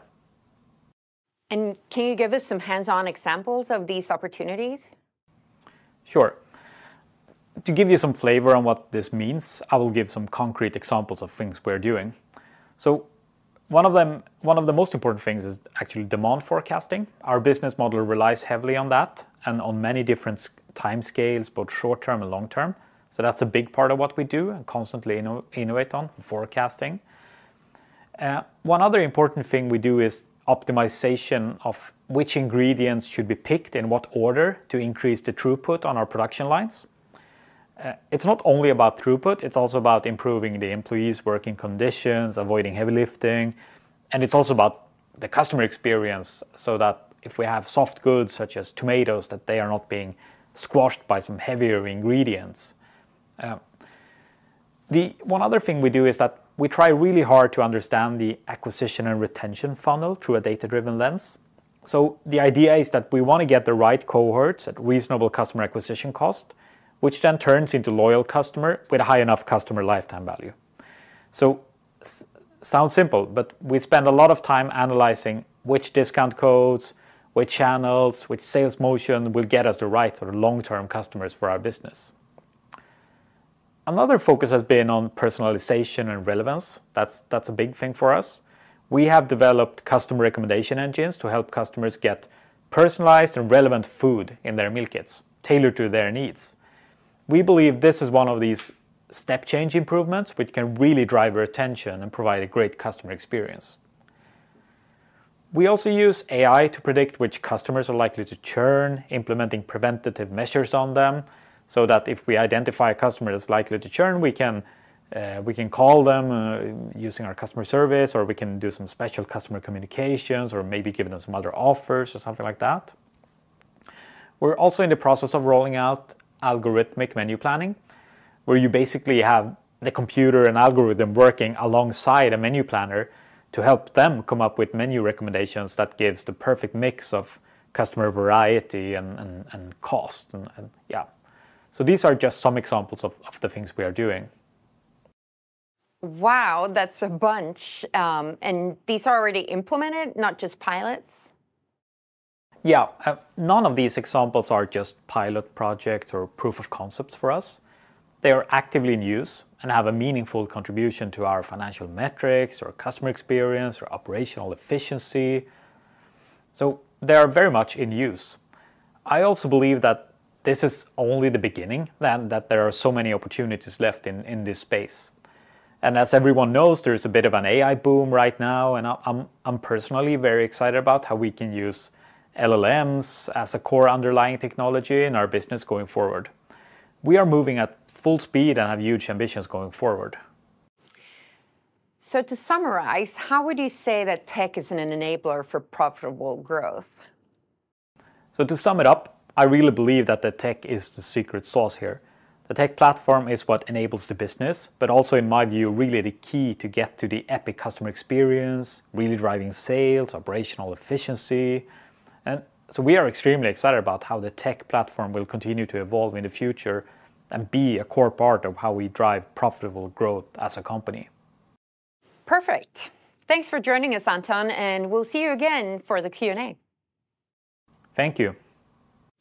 We're now opening up uh, for questions from the audience. Some of you have already submitted questions. For those of you who haven't, the Q&A is still active.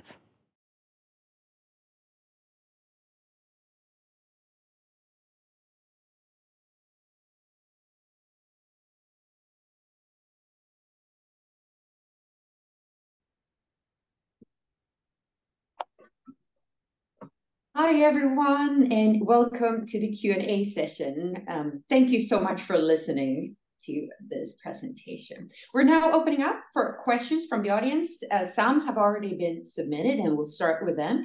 But if you realize during this Q&A that you have questions you want to add, the Q&A uh, is still open, so just submit your questions. And we'll start with a question to Walker. Um, what are your thoughts on repurchasing repurchases uh, of shares? Uh, thank you, Paulina. Um, so when this is a question that has come up before, and I think one thing it's important to remind um, uh, shareholders is that when we we talk about Cheffelo as a listed company on the First North exchange, there are certain rules that apply and don't apply. And in fact, this means that Uh, a traditional sort of uh, share repurchase program is actually not permitted uh, for a company like Cheffelo because of the way it's listed. So the initial reaction is that it's it's not possible. There have been very few precedents where more complicated hybrid solutions of share repurchasing have occurred. But in general, what we the reaction on, on you know is it possible to do share repurchasing, is quite frankly, it's a very complicated process with little precedent for a company like Cheffelo. It introduces both a large cost as well as risk uh, for shareholders. Great. A question that was raised um, a couple of weeks ago on Twitter or a while back: Why do you have a maximum of four persons? There are a lot of five-people, five-person families. Yeah, well, this is this is a way of managing complexity. Uh, so when we think about uh, what is a person in the definition of a of a meal as well, and you can see uh, quite a few combinations of families or or households where maybe the right answer isn't that a household is either two, three, or four people. It could well be that a family of four has two adults um, and two small children, or there could be one adult in the household uh, and two children. So there there's a level of complexity here. We've we've found sort of an optimization point where we can say that um, we we offer uh, two uh, in Denmark, we offer three um, in both in both Sweden, Norway, and Denmark, four-person boxes. We even offer a six-person box, which is a larger size for those families that that are not able to have enough with with a four-person box. So it's really a question of optimizing both uh, both the the operational elements of of how much variation can you provide with sort of this fuzzy definition of of exactly how what is a meal. And I think most most uh, families find that balance themselves through the process. Hmm. Thank you. We have a question for Jeanette. Um, So what differences or changes in in uh, customer behavior have you seen now in these times when we experience uh, inflation and many other trials? Some customers, I imagine, uh, switch from Cheffelo to actually going to the cheapest grocery store. Others might shift from going to the restaurant every now and then to actually starting to use Cheffelo. So what trends do you see there? Well, I think that in in in inflation time, you always see this kind of downtrading. So you you look carefully at the money you have and and what is providing you value for money. And uh, if you look at our service, it's uh, it's not selling food. It's actually solving an issue and a problem that they have. So uh, in this period of time, we do see people moving to towards grocery stores reducing uh, takeaways or restaurants visits, uh, but it's for all of them, it's it's really always a matter of value for money. And the problem doesn't disappear even if you if you don't have enough money. They're still validating what is the best for for our life. We have a question for Claes. Has the lowered cost of acquisition cost led uh, or customer acquisition cost led to a smaller addressable market, given that the marginal cost might increase to reach more customers? Well, uh, the short answer is no. Uh, our total addressable market remains. And obviously, within that total addressable market, we are still focusing on our selected target groups within that. And and that's that's where we are just focusing on the way we address them uh, to to to reduce the the cost of acquisition, certainly. Um, and and you may even uh, say that uh, it it may, in the longer term, um, help us increase the total addressable market, bringing down that CAC, actually. So it's um, on the opposite. Another question for you, Walker. Um, a common belief seems to be that it's bad business to be in, this one that we're talking about now, because customers are jumping between suppliers when tempted by high rebates, etc. cetera. Uh, what would you say? Would you say that this is true, and is it possible to still be profitable despite uh, giving large sort of um, rebates and special offers? So yeah, I think I think the question, is it a bad business to be in? Uh, we definitely don't think so, um, because uh, we've been able to make it profitable, and and at this point, we're also seeing growth again in the business. So I think what you have to remember is that uh, it is a business that that is driven by discounts. So from a discounting perspective, there will be an application of, of rebates at some point. What we are focusing on is really about how to optimize mm-hmm. those rebates. And I think, you know, even as Claes uh, mentioned here in his his presentation, is that we, you know, we have to be very careful about uh, filtering out bargain hunters. And so a big portion of what we do is make sure that we're not chasing people who demonstrate that they only will buy on a on a on a rebate. So I think this is a it, it is an important area to have focus on for from a marketing efficiency perspective. But uh, it certainly doesn't make the business simply bad because Uh, customers need an incentive to to engage. And is your um, 30% contribution uh, margin before or after uh, discounts? So when we talk about contribution margin, that is after we've netted out rebates in in the product purchase. Mm-hmm. Another question for Walker, for you, Walker. Being an active customer for a year, I'm highly impressed with Godtlevert. Uh, I would also um, comment that you host such an interesting CMD.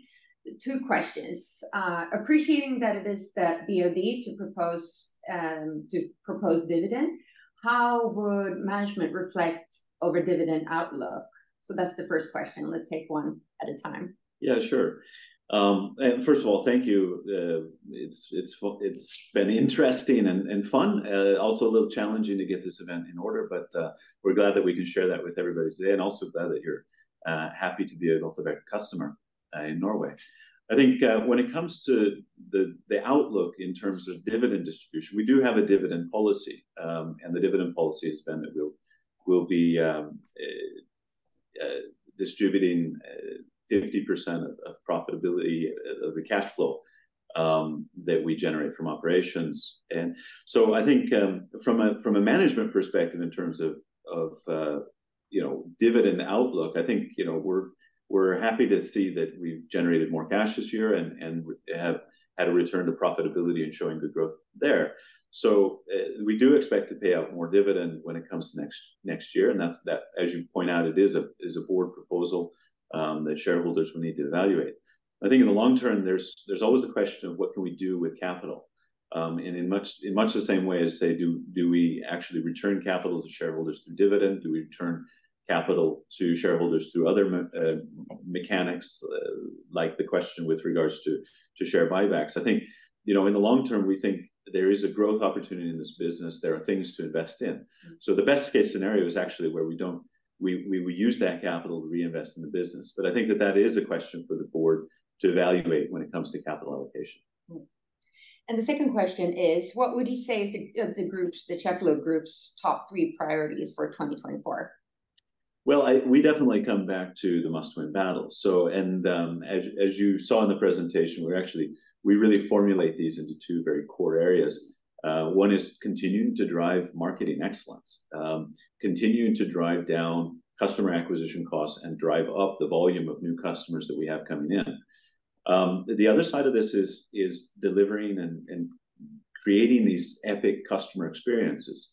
Um, All of these have quite a few initiatives back behind them. So it's, when you say break it down into three, I really just focus on continuing to drive marketing excellence and continuing to to cultivate these epic customer experiences. And a question for Claes. Uh, what kind what kind of add-ons are Cheffelo looking for, both within and outside of food and meal planning?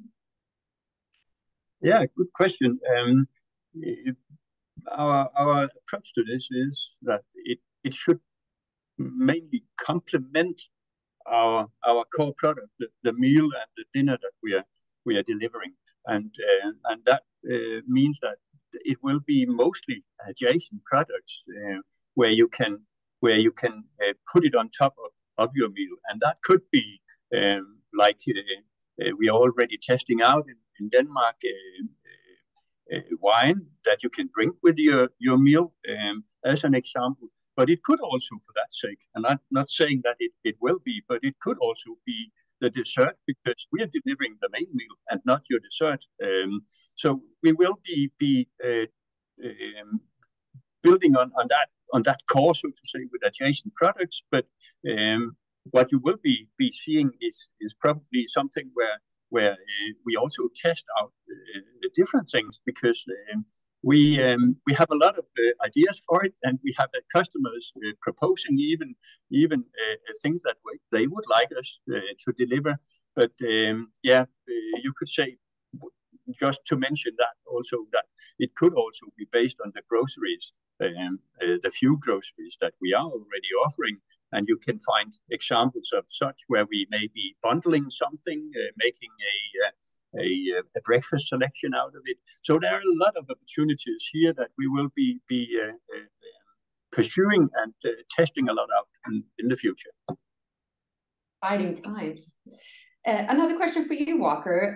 What would be the desired net retention rate after 12 months, um, that you would like to achieve, for your customer cohorts from 10%, 15% to 2x, 3x? What's the what's the goal? Uh, this is a very complicated mathematical question, uh, because basically, you know, what what we're what we see in our business is that we see sort of a retention rate, which is very similar to many other competitors in the market.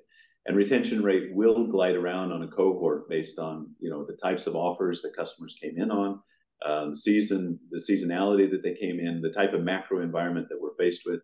Um, we've obviously seen some things that have been affected by pandemics. You know, when we talk about our ambition, though, of course, uh, retaining customers is super important. So even if we're uh, acquiring even more customers with a lower customer acquisition cost, um, and the volume of customers coming in is is greater, the ability to move 1% or 2% has a has a significant impact on retention. So it is an it is an a overall ambition to continue to drive uh, improved customer cohorts. Um, putting putting a number on it is more complicated in terms of uh, a very small change in the cohort rate will drive uh, quite a bit of growth. Great. We have a question for Vibeke. Uh, do you have any plans for consolidating product production and having only two or perhaps even just one production facility for all your markets? Uh, I don't have any uh, plans for for that at the moment. Um, we operate in uh, Norway, Sweden, and Denmark, and in Norway, the import regulations is is quite strict. So it definitely makes sense to separate Norway and with Sweden and Denmark due to our suppliers. Uh, in addition to that, we have a facility in in, Sweden and in Denmark, uh, but really, the the fixed cost uh, of the facility is not the biggest part of of the equation. So I think we have local suppliers, and we have local customers, so the cost and benefit on lead time and transport makes it more sensible to, to keep Um, the the two facilities in Sweden and Denmark as well. And then, in my experience, um, organizations work better uh, when they are smaller, and they are more efficient. So, uh, there's not really a big uh, benefit of being huge in the production facility either. Thank you. And a question for Claes. Uh, you seem to have the widest variety of recipes in the meal kit category. Is that sustainable, or could you operate in a more efficient way? And in question number two, are you planning on keeping the leadership as a differentiator? Thanks. Uh, the number of recipes is not a target itself. Uh, as I stated before, we have no real limitations. The important thing is that we have the variation of recipes, so being as as interesting uh, as possible in in uh, every season. So it's more defined by the number of of ingredients that we are working with every in every week cycle, That that is the main issue to secure uh, that we have the variation that that that is needed. So, so eh, I'm not focusing on the number more that we have the right variation eh, every week eh, to offer to our customers. And the second question, you need to- Repeat it? Yes, please. Uh, so are you planning on keeping that leadership as a differentiator? Yeah, I should say that's uh, important that we have the right variation every week. So if that makes us uh, the leader in that uh, segment, I should say yes. Thank you. And a question for Erik. Um, congratulations on a positive Q3 report a few weeks ago. I have two questions. Let's take one question at a time. We're now in mid-November. Could you say something about how Q4 is looking? Um, thanks for the question. Um, so I could reinforce what we said in the quarterly report, that um, we are very happy with the progress that we are seeing right now, and we are expecting to show growth also in the fourth quarter. And question number two: It seems you're on your way of achieving 30% contribution margin. Are you satisfied with that, or will you set higher targets? Yeah, first off, we are very pleased with uh, that we have achieved a contribution margin of 30% on an annual basis. Um, however, 30%, that is not carved in stone. 30%, that is a level that we find ourselves comfortable with as of now. It is a level that makes us profitable with the current volume, and it also uh, enable us to reach the profitability targets, uh, or financial profitability targets, um, uh, while growing in volumes. We just got a new question from um, an investor. Uh, thank you for an excellent variety of topics. Uh, two questions for Walker. What are your thoughts on geographical expansion? Finland? Question mark yeah, thank you. Thank you for that question. I think, obviously, any company that has growth ambitions is always looking to expand their total addressable market and even geographic footprints. I think one one of the conclusions we reached uh, a couple of years years ago when we were exiting the pandemic was that we have a lot to focus on in the markets where we're operating. And I think, you know, a strength of where we're at today is that focus. It has been making sure that we're executing in a market which is uh, a tough, very dynamic market with a changing competitive landscape. It won't be any easier to go uh, geographically and do other things, which also means then that executing on where we're at uh, has been a top priority, and I think we're we're very happy to see the growth come back, and we're very happy to see the profitability to be in place. It opens up for new opportunities uh, in the future, but uh, I wouldn't speculate on saying that we're looking at expanding geographically in the short term. Mm-hmm. And question number two, um, could you please share a couple of your biggest challenges? What is the mm-hmm. bear case? I think the bear case that, that's out in the market is is sort of one of these where uh, cost of capital uh, all of a sudden goes way down, and we're back in an environment where um, there's free money floating around in the system, and profitability isn't of interest. So from a bear market perspective, that means that uh, competitors continue to behave in in ways which are which are non-economical. Um, it It's also sort of, I would say, another part of the of the bear case could could well be that uh, the macro environment uh, deteriorates further. There's, uh, you know, if we if we look in in terms of of what's happening, we still have questions about how long interest rates will be high. Um, this is from the consumer perspective, where the consumer perspective says that customers are are going to be fickle in their purchases. They're not going to be interested. So I think it's uh, that's the bear case in terms of what I see. And obviously, in both of these respects, I think uh, fortunately, right now, what we are seeing is uh, good trends in at least in the right direction. Right. So we have some more questions about, or at least one more question about contribution margin for Eric. Is there an upper limit with regards to your contribution margin? How do you expect contribution margin to scale with volume?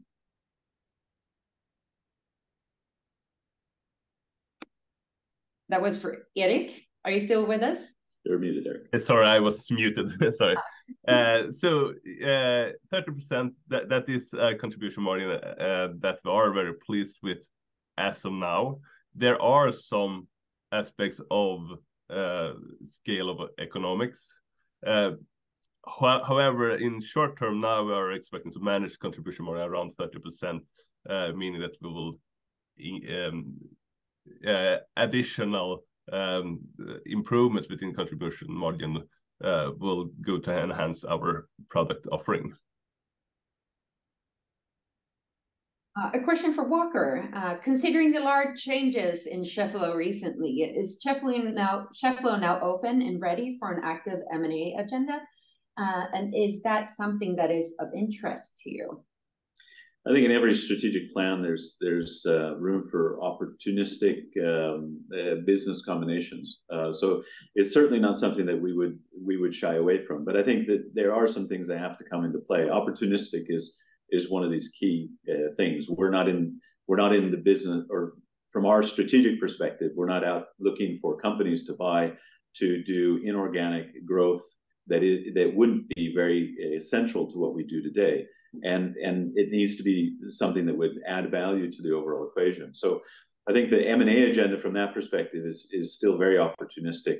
Um, and obviously, when we start talking about things like that, uh, financing questions come up. I think even our own cost of capital, we recognize, is quite expensive with where the share is trading today, um, and with interest rates what they are. So any any uh, opportunistic events in in M&A needs to check a number of boxes before we would actually be willing or able to do something.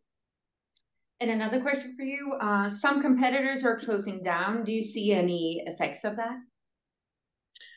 Uh, yeah, I think that there's been a lot of changes in the market over the last um, 18 months, you could say. I think uh, we see we see a lot of changes happening both because of exits. I think there's been a lot of action on the quick commerce side, where sort of this fast delivery Uh, business models, especially in the Swedish market, have been closing down. We've seen some exits from other markets of large international players in that respect.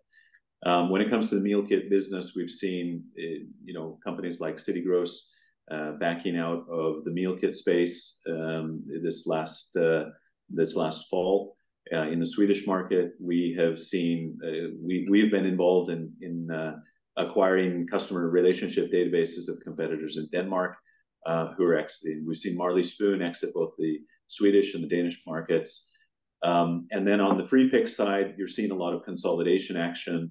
Uh, you're seeing traditional players that have actually exited home delivery of food. Um, consolidation, a lot of consolidation has happened in the Danish market. So I think overall, the effect of this is that competition is behaving differently. Um, the options for consumers are being reduced in many respects, which means that um, an offering like ours becomes more attractive in the market and more competitive. Um, and for us to be able to do that in a profitable way also means that we have a sustainable business model um, that's not going to be around until the next capital raise. It's gonna be around uh, for many economic cycles to come. Great.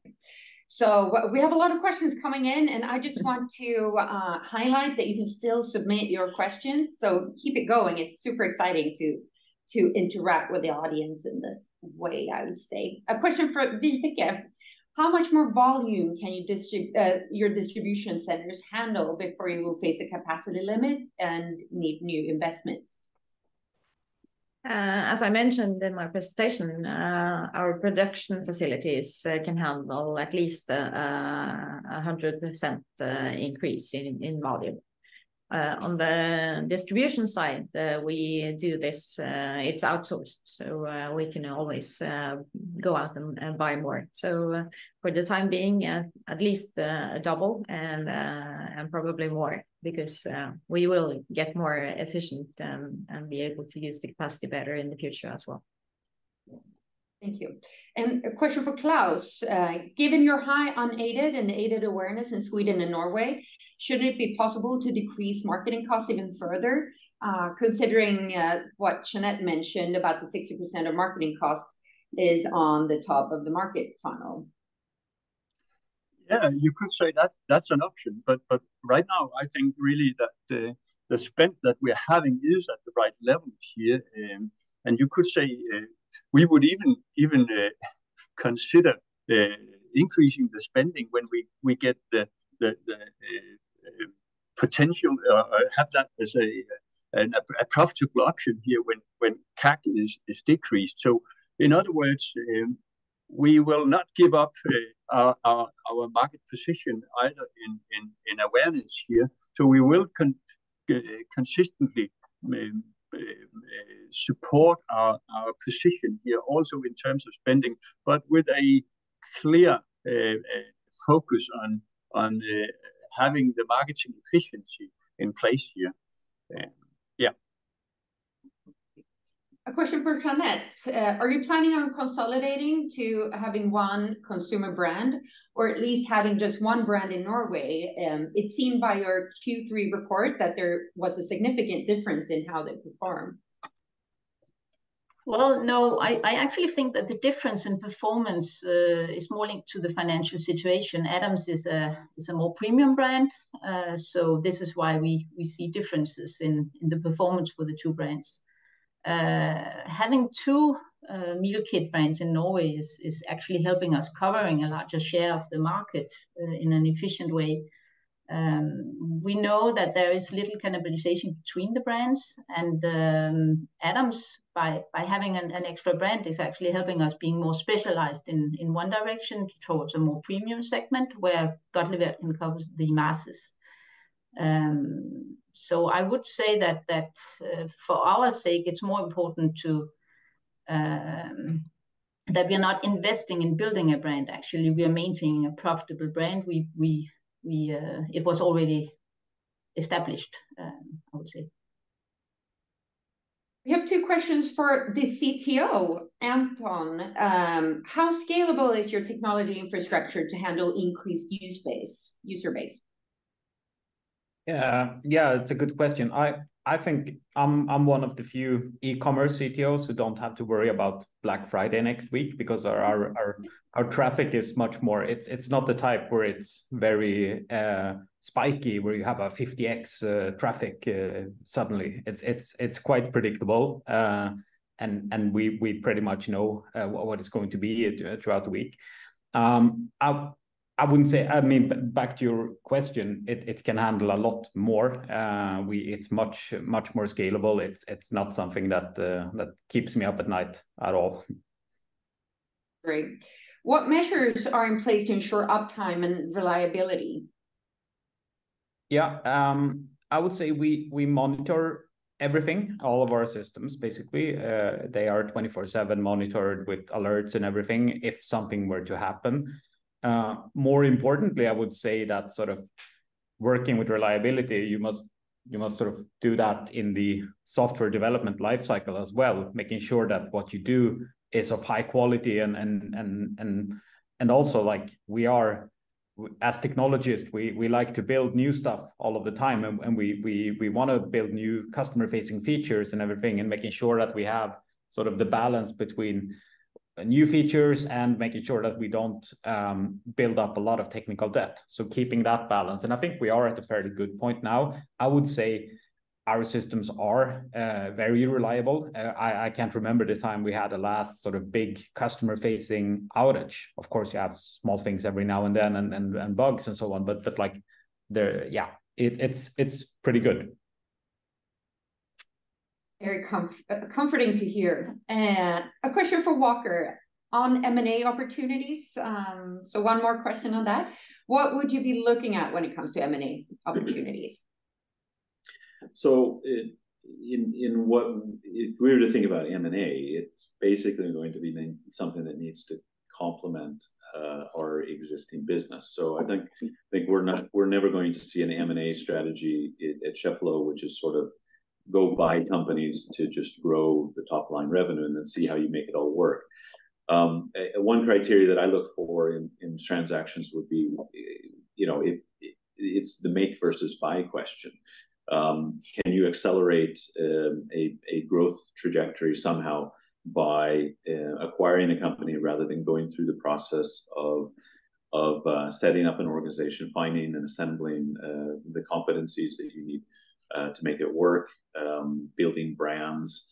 Uh, there's a lot of there's a lot of money and risk that goes into that. So so one of the the basic questions is: Is there a way to complement your existing business and accelerate growth through an acquisition? That's that's definitely a criteria.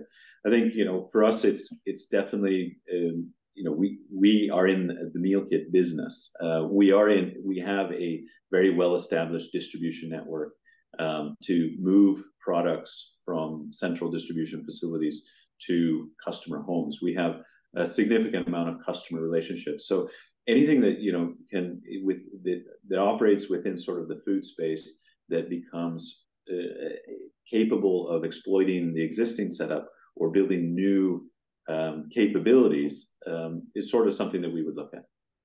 Great.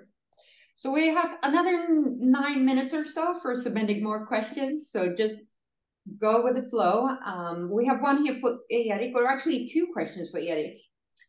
Uh, your last price increase was at the end of 2022. Um, have you raised prices in line with how much um, consumer prices have increased, or more or less? Yes, so we did our last price increases in late 2022, and uh, since that, we haven't uh, adjusted the price on meal kits or our delivery fees. Uh, when we raised our prices, we saw it was facing a food inflation of between uh, um, 12 to 19 percent in our markets. It was different on market by market. Uh, we raised our prices also different depending on each market, but in average between 11 to 16 percent, so which was lower than the inflation that we saw in in those markets. Uh, since we have done the price increases, we also have seen the food inflation continue. Uh, we see about 5% increases since 2022, although we have been able to mitigate those increases through the various uh, initiatives that I mentioned throughout the presentation. So, does that mean... What does that mean when it comes to adjusting your prices again? So, have- yeah, so sorry, I could clarify also that we are constantly Uh, evaluating our prices, although uh, uh, at the we are currently no plans for increasing the prices further. So, um, no plans as of now then. Okay. A question for Jeanette. You have two brands in Norway. With your current technical abilities, will you be looking into a dual brand strategy in Sweden and Denmark as well? Um, You could say that that could be tempting, since we think that Adams and Godtlevert is uh, is supplementing each other. But uh, it's also very costly to build a new brand from the bottom and and, and, and try to do that. Uh, and I would say that looking at the market, it's not really somebody who is in in the position of of Uh, matching us, I would say. So uh, So for now, no, there's no plans. Uh, we would rather focus on on the single brand we have in Denmark and Norway and Sweden. A question for Vibeke. It seems you have a lot of improvements, have made a lot of improvements to your processes, but are there further ways to reduce logistics, production, delivery costs? Uh, yes, of course, we we continue to work with operational excellence and do continuous improvement. And, uh, of course, uh, there's always more things to do, so we will do that. We are also looking into ways of using robots and and optimization in a in a smart way. Um, I'm not looking into a fully automated facility, but doing some smart moves here and there that can save cost and, and be beneficial. Uh, and on the distribution side, we've uh, started to work with co-distribution uh, in a larger scale than we used to, which is also beneficial for an optimal logistic offer. Question for our CTO, Anton. You touched on this in your presentation, but how can you keep up with tech developments with a relatively small tech organization? It's a great question. Um, I think at the end of the day, it comes down to having sort of very uh, curious uh, curious sort of people on board who are open to looking for new for new technology or the the driver types, not not the passenger types. We we want those who are interested in in sort of tech development in in general. Um, uh, but I must admit, it's also like if you look at something like the AI boom throughout the last year with LLMs and everything, it's it's it's it's at that pace where it's also very... It's quite difficult to keep up, and and uh, you and it's also quite easy to make make sort of mistakes where you because you're sort of at the top of the hype hype cycle. So it, it is it is uh, somewhat of a challenge, but uh, I think it, it, in the end, it comes down to the team. We must be willing to explore new technologies. There's also, of course, things we can do to sort of um, encourage that. We can do hackathons, we can do knowledge sharing, we can do Uh, all types of different activities in order to encourage uh, keeping up with new new developments. A question for Walker. Um, how are you planning to keep increasing average order value? Yeah, so I think, I think um, as Eric mentioned, you know, we we don't have any short-term plans to increase price. Um, but there are other things that impact uh, the average order value. Um, and Claes was in on this a little bit, you know, to the extent that we can amplify the amount of uh, add-ons and groceries that we we sell as complements to the meal kits, uh, we can continue to increase average order values. Um, there's a good synergy in that that type of business as well, because we're already delivering the meal kit box, which means that we can uh, capitalize on an existing more or less fixed cost for distribution, um, and then good good productivity in packing uh, any type of add-ons and groceries as well.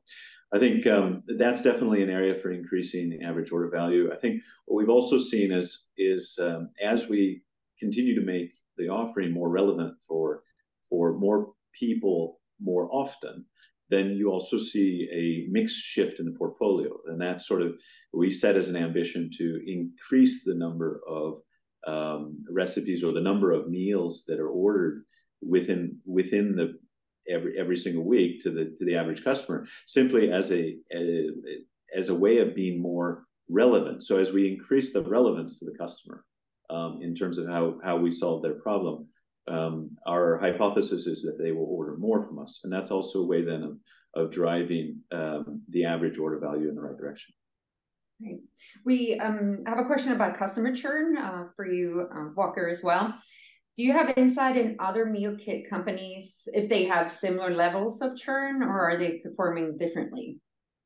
I think what we what we see is we, you know, uh, this type of information that we've shared today is available in in other competitor capital market events, and we've tried to highlight the fact that we are very similar in many respects to uh, these type of churn rates that you see in the meal kit market. And I think, you know, this is, as a subscription business, we're obviously looking Uh, for customers that come back again and again. Um, and we will have a churn rate um, uh, that's quite high for new customers. Um, there are reasons why it demands some changes to how uh, a household thinks about dinner, how they plan for their dinner, how they, you know, make room in the fridge. They're basics that that require some some adaptation. But once households have adapted, Uh, then the value of those customers are quite high. And we see that uh, with our service as well, that from a from a comparative analysis towards competitors, we see we're just as good as the competition in retaining customers over the long term. Great.